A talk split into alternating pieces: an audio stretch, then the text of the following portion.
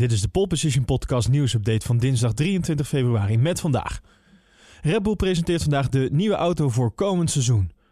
Mercedes deelt eerste teaser van Formule 1 bolide voor 2021. Ferrari begint driedaags testprogramma met 18-inch banden van Pirelli.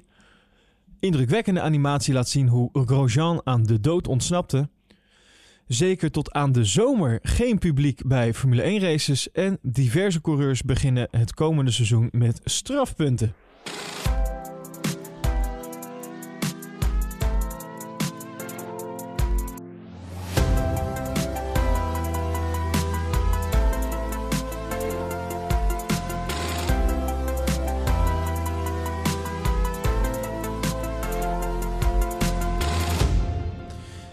Red Bull Racing die presenteert vandaag de nieuwe auto voor het eh, komende seizoen. Om 12 eh, uur Nederlandse tijd is het dan zover.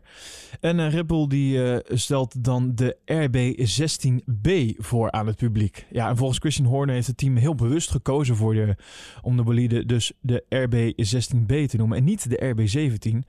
Omdat het namelijk niet om een compleet nieuwe auto gaat. Het is de eerste keer dat we een chassis meenemen naar het nieuwe seizoen, vertelt Christian Horner in gesprek met de Duitse Auto, Motor und Sport. Vanwege de homologatieregels is er ook een hoog percentage aan onderdelen meegegaan. daarom is het eerlijk om deze auto de RB16B te noemen. In 2022 zullen de reglementen volledig op de schop gaan, waardoor een volledig nieuwe bolide ten, ten zal verschijnen. Maar ook deze wagen zal dan niet de RB17 gaan eten. Het volgende model voor 2022 wordt de RB18. Er zal nooit een RB17 komen, al dus Christian Horner. Ja, de auto die zal in vele opzichten lijken op de auto van vorig jaar. Maar Red Bull heeft natuurlijk gedurende het eh, afgelopen seizoen ook genoeg punten ontdekt die verbeterd moesten worden. Sommige daarvan zijn gedurende het seizoen al doorgevoerd.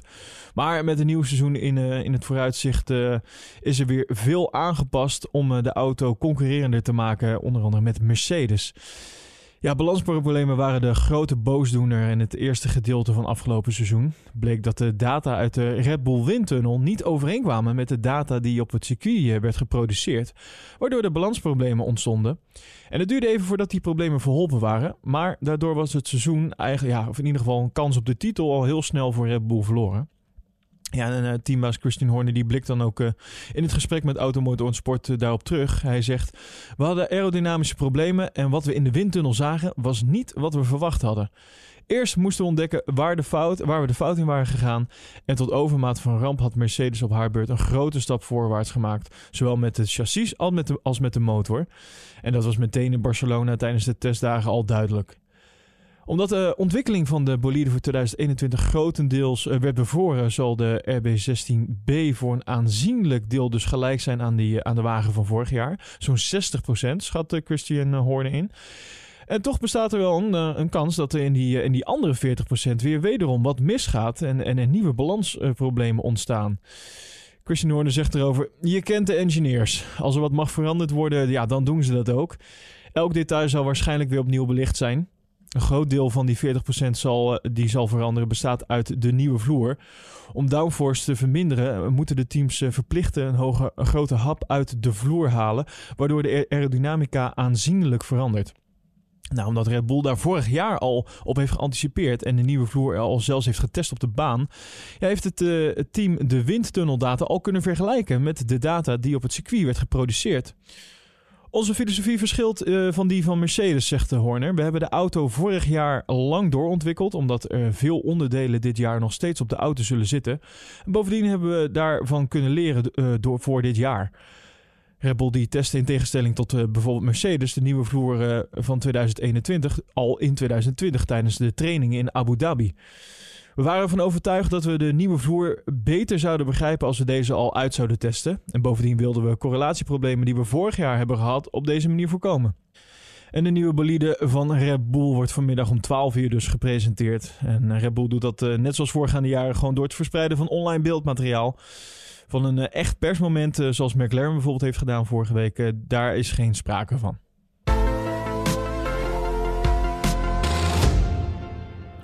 En over nieuwe bolides gesproken en ook over nieuwe liveries. Mercedes die heeft eh, via social media een eerste teaser van de bolide voor aankomend seizoen gedeeld. De W12. Ja, op de auto is een rode ster op een ja, zwarte achtergrond te zien. En Mercedes die zal op dinsdag 2 maart het volledige doek van de auto trekken. Dus we zullen nog even moeten wachten op het complete plaatje. Maar voor nu kan je dus in de show notes even de link vinden naar de teaser die Mercedes online heeft gezet. Gaan we snel door naar Ferrari, want die is gisteren begonnen met het testen en zal vandaag en morgen ook nog verder gaan met het testen van de 18-inch banden van Pirelli voor 2022. Tot en met uh, woensdag uh, zal uh, Ferrari dus in het Spaanse Jerez aanwezig zijn. Waar Charles Leclerc en Carlos Sainz op zowel een droge als een natte baan ontwikkelingswerk dus zullen gaan uitvoeren met het, het rubber dat volgend jaar in de Formule 1 wordt geïntroduceerd. Ja, al decennia lang rijdt de Formule 1 met velgen en banden met een diameter van 13 inch. Maar in 2022 stapt de sport over op een, een grotere diameter, namelijk 18 inch. En daarmee moet het eh, rubber dat in de Formule 1 gebruikt wordt weer beter aansluiten bij het formaat dat op eh, de openbare weg de standaard is. Ja, en om de overstap in goede banen te leiden, heeft bandenleverancier Pirelli een eh, uitgebreid testprogramma opgezet, waardoor alle teams de kans krijgen om ontwikkelingswerk uit te voeren op het nieuwe rubber.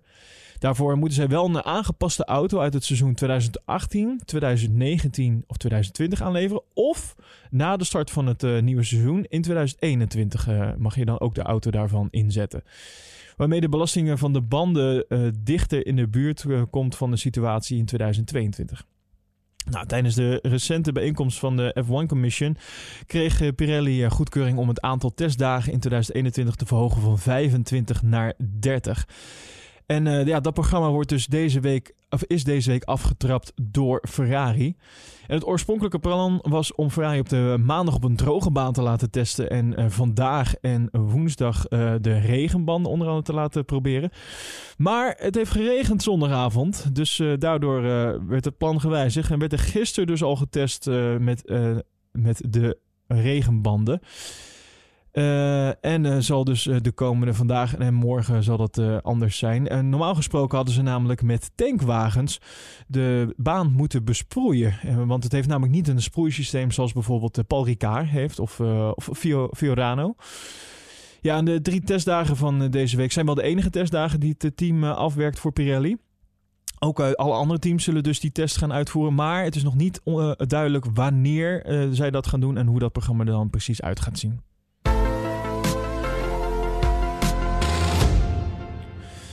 Dan Romain Grosjean. Er is al veel over gezegd over zijn ongeluk. Want hij stond natuurlijk afgelopen seizoen uh, toch wel oog in ogen met de dood. Tijdens de grote prijs van Bahrein. Toen hij met hoge snelheid uh, de vangrail raakte. Zijn haasbolide die brak in twee en uh, die vatte vlam. Waarna de Fransman ja, eigenlijk tijdelijk in een vlammenzee verdween. En het, het, ging vrijwel direct na de start op Bahrein ging het mis. Grosjean die maakte na enkele bochten contact met Daniel Fiat. En toen uh, verloor hij controle over zijn wagen. Verloor hij op hoge snelheid uh, met de neus vooruit uh, de vangrail schoot hij toen in. De achterkant van de wagen die brak af door de impact, waardoor ook de benzinetank openscheurde en de brandstof tot ontbranding kon komen. En Grosjean die verdween dus in een wolk van zwarte rook en vlammen en er was ook een enorme vuurbal. Nou, de race werd toen uh, direct stilgelegd. En uiteindelijk zagen we dus hoe Grosjean wel op eigen kracht uh, uit zijn cockpit kon ontsnappen. En over de vangrail kon klimmen. Waarna hij eigenlijk in handen van het medisch personeel werd opgevangen. Nou, Grosjean die hield er natuurlijk flinke brandwonden aan, op zijn handen aan over. inmiddels is dat wel grotendeels hersteld. Sterker nog, hij gaat komend seizoen weer zijn debuut maken in de Amerikaanse IndyCar-series. Ehm, en ja, we kunnen wel stellen dat Grosjean deze crash eigenlijk heeft overleefd door de sterk verbeterde veiligheid in de Formule 1 van de afgelopen jaren. En, en met name de Halo. Want zonder de Halo zou het uh, bijvoorbeeld zijn hoofd zijn geweest die als eerste impact zou hebben gemaakt met de vangrail. En het Franse Canal Plus, die heeft dus in een onlangs uh, uitgebrachte documentaire over Grosjean een animatie van de crash gemaakt. En hierin is echt heel goed te zien ja, hoe de Halo op een paar millimeter na voorkomt dat, uh, ja, dat Grosjean de crash niet zou hebben overleefd. En kan je zeker even aanraden om deze beelden te bekijken als je ze nog niet hebt gezien. De link daarvan staat in de show notes. En uh, ik moet zeggen, het heeft voor mij toch wel weer eventjes uh, indruk uh, gemaakt. Ik, best wel heftig toch om te zien. maar gelukkig, Grosjean die eerste en we gaan een komend seizoen lekker in de Amerikaanse IndyCars zien rijden.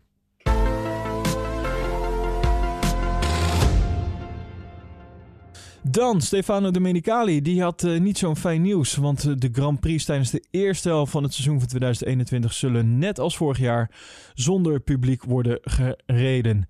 En dat uh, heeft hij bekendgemaakt in een gesprek met de Corriere della Sera. Ondanks de plannen om toch publiek toe te laten tijdens de races, zoals bijvoorbeeld in Imola, ja, zit het er voorlopig nog niet in.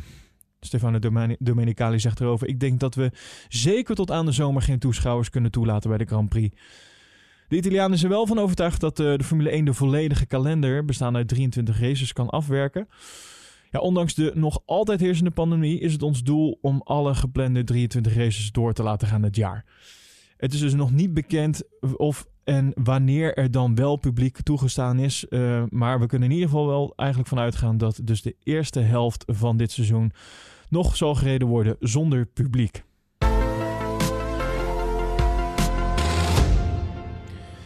Ja, dan tot slot uh, diverse coureurs die gaan uh, komend seizoen uh, de, beginnen met een aantal strafpunten.